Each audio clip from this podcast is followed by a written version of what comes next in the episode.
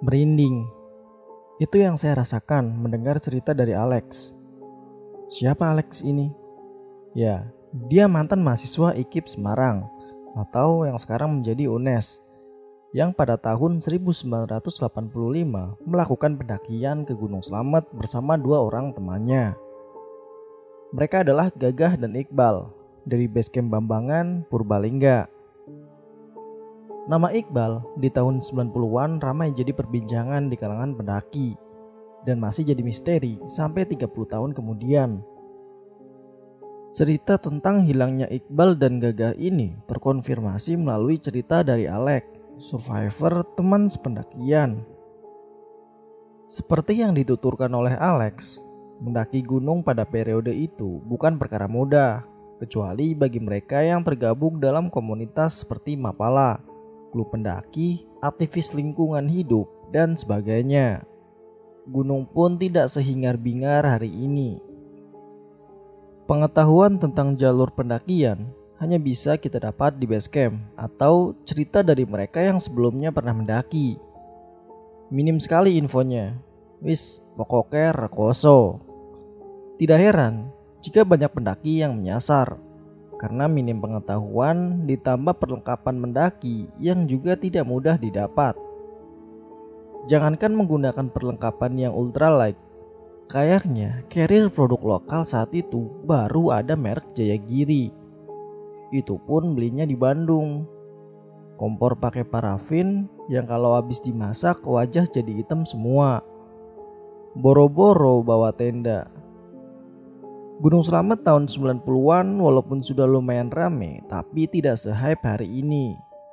Saat itu, untuk sampai BC Bambangan harus jalan kaki dari Pasar Pratin belum ada leasing ojek.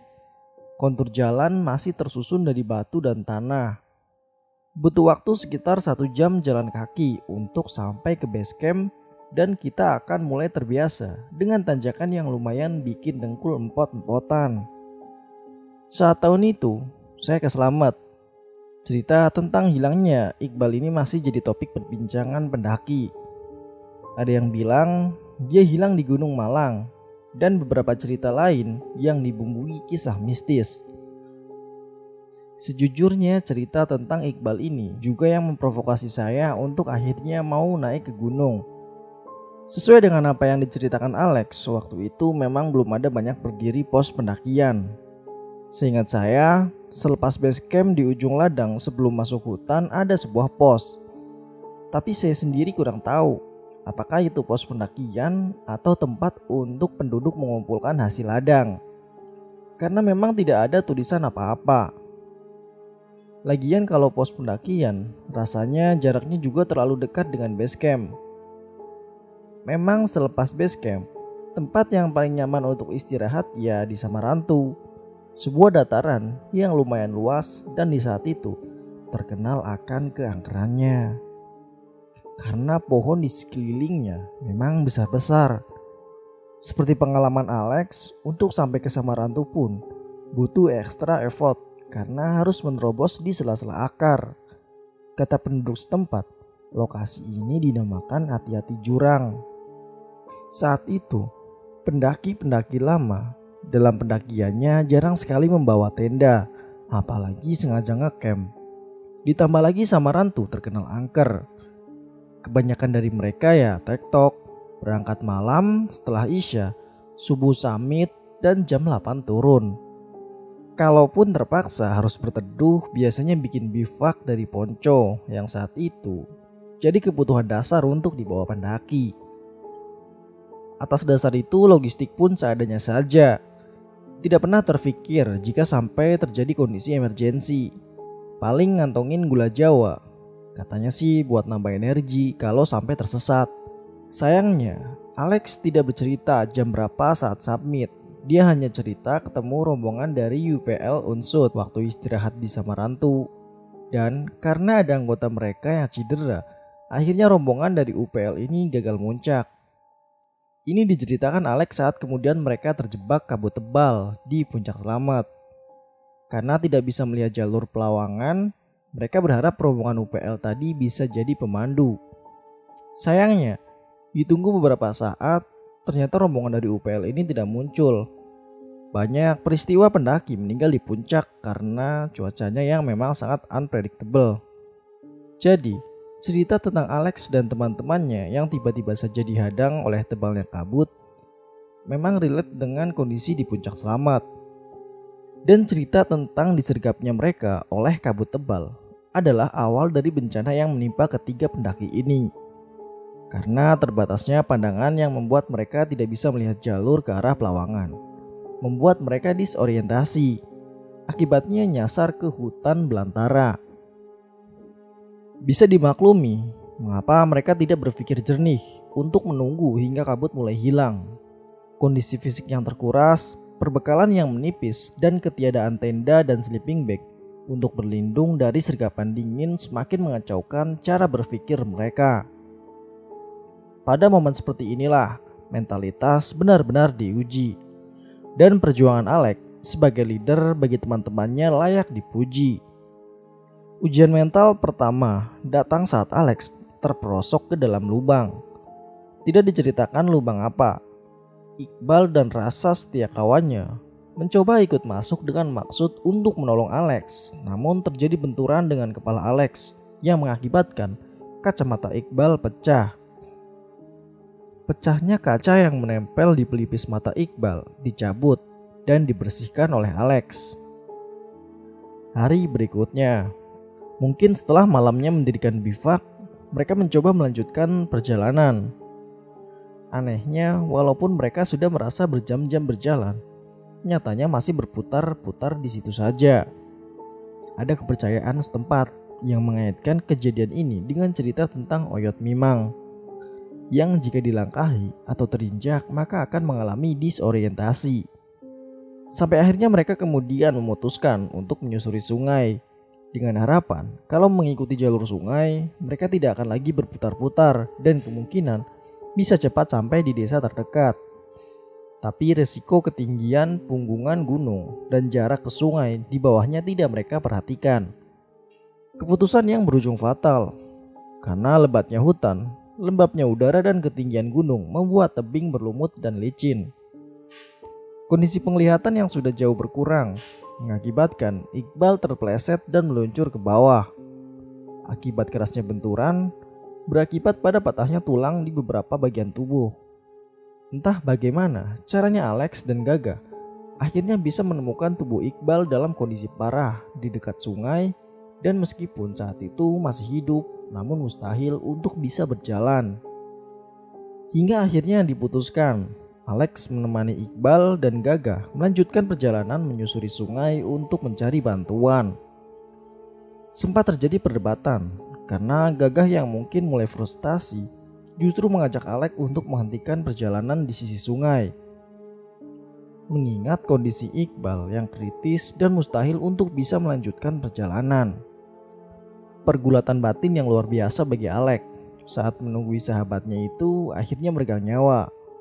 Beberapa hari setelah kecelakaan yang menimpanya, melihat Iqbal sudah tidak bernyawa, Alek memutuskan untuk menyusul Gagah Sebelumnya ia meninggalkan beberapa jejak, berharap bisa ditemukan oleh tim SAR. Selama beberapa hari di dalam hutan, Alek hanya memakan tanam-tanaman hutan untuk bisa bertahan hidup. Mental dan instingnya untuk bertahan hidup membuatnya bisa berpikir lebih rasional dibandingkan dengan gagah. Sebenarnya mereka bertiga masing-masing sudah pernah naik gunung sebelumnya. Menurut Alex, pendakian ke Selamat ini adalah pendakian ke-15-nya. Tidak bisa dikatakan noob. Mungkin ini yang membuat mental Alex lebih tangguh dibandingkan Gagah yang baru 8 kali naik gunung. Walaupun tidak bisa dijadikan parameter juga. Mental Alex tergambar saat itu. Beberapa waktu kemudian, dia mendengar teriakan-teriakan dari Gagah. Ada sedikit perasaan lega mestinya melihat temannya masih bertahan hidup.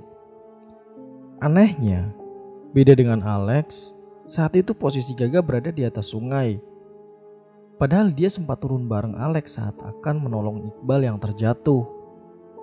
Dengan posisi saling berjauhan, mereka sempat berdialog dan gagah mempertanyakan keputusan Alek mengapa dia meninggalkan Iqbal. Akhirnya Alek cerita tentang meninggalnya Iqbal. Mendengar cerita itu dengan kondisi fisik yang lemah, ketambahan stres semakin memperparah kondisi psikis gagah. Stres pula yang menurut Alex membuat Gagah berteriak-teriak sepanjang malam. Sampai akhirnya saat pagi hari, Alex berkali-kali memerintahkan Gaga untuk turun dan melanjutkan perjalanan. Tapi dia tidak mendapatkan balasan dari teriakannya. Dia juga tidak menemukan jejak Gagah ketika berusaha naik ke bagian atas sungai. Setelah beberapa lama mencari, akhirnya Alex menyimpulkan temannya ini hilang. Mungkin efek dari stres, ketakutan, lapar, dan frustasi, serta minimnya kemampuan bertahan hidup membuat dia terserang hipotermia yang mengakibatkan halusinasi. Ini membuat Gagah kehilangan kontrol atas dirinya. Banyak cerita di luar nalar manusia yang mengiringi perjalanan Alex untuk mempertahankan hidupnya selama di dalam hutan. Sampai akhirnya, dia menemukan seorang penduduk yang sedang berladang. Selain mengalami pergulatan secara fisik dan mental, Alex juga mengalami pergulatan spiritual selama dua minggu tersesat di belantara Gunung Selamat. Adalah lazim terjadi di gunung ketika kita melihat atau merasakan kejadian di luar logika normal. Itulah kenapa setiap pendaki selalu dihimbau untuk menghormati kearifan lokal. Setiap gunung memiliki lokal wisdom masing-masing. Akan lebih baik kita mengetahuinya sebelum melakukan pendakian. Hal yang terlihat sepele tapi bisa berdampak besar pada keselamatan pendaki. Singkat cerita, akhirnya Alek berhasil selamat, dievakuasi dan dibawa ke rumah sakit untuk dilakukan beberapa pemeriksaan.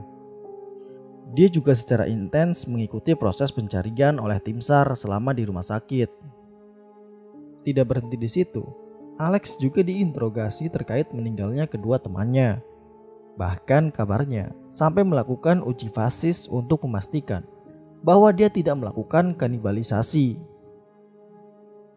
Hingga akhirnya tim SAR memutuskan untuk menghentikan pencarian karena dihadapkan pada suatu yang janggal dan di luar logika normal manusia. Sampai hari ini, tubuh Gaga dan Iqbal masih tidak berhasil ditemukan. Tim SAR hanya menemukan celana dalam Iqbal dan beberapa perintilan yang sebelumnya ditinggal oleh Alex. Diceritakan sebelumnya, meninggalnya Iqbal berpesan untuk menguburkan sepatunya di Gunung Sumbing, gunung favoritnya. Semoga mereka menemukan kedamaian di pelukan Gunung Selamat. Jadi begitulah misteri Iqbal, pedaki yang hilang di Gunung Selamat pada tahun 1985. Percaya nggak percaya, balik ke pribadi masing-masing ambil hikmah dari setiap kisah yang kami bawakan. Buat kalian yang punya kisah menarik seputar pendakian atau seputar apa pun itu, silahkan kirimkan ke email yang ada di deskripsi. Atau bisa juga DM di Instagram mahasiswa siluman. Sampai jumpa di video kami selanjutnya. Salam lestari, mahasiswa siluman.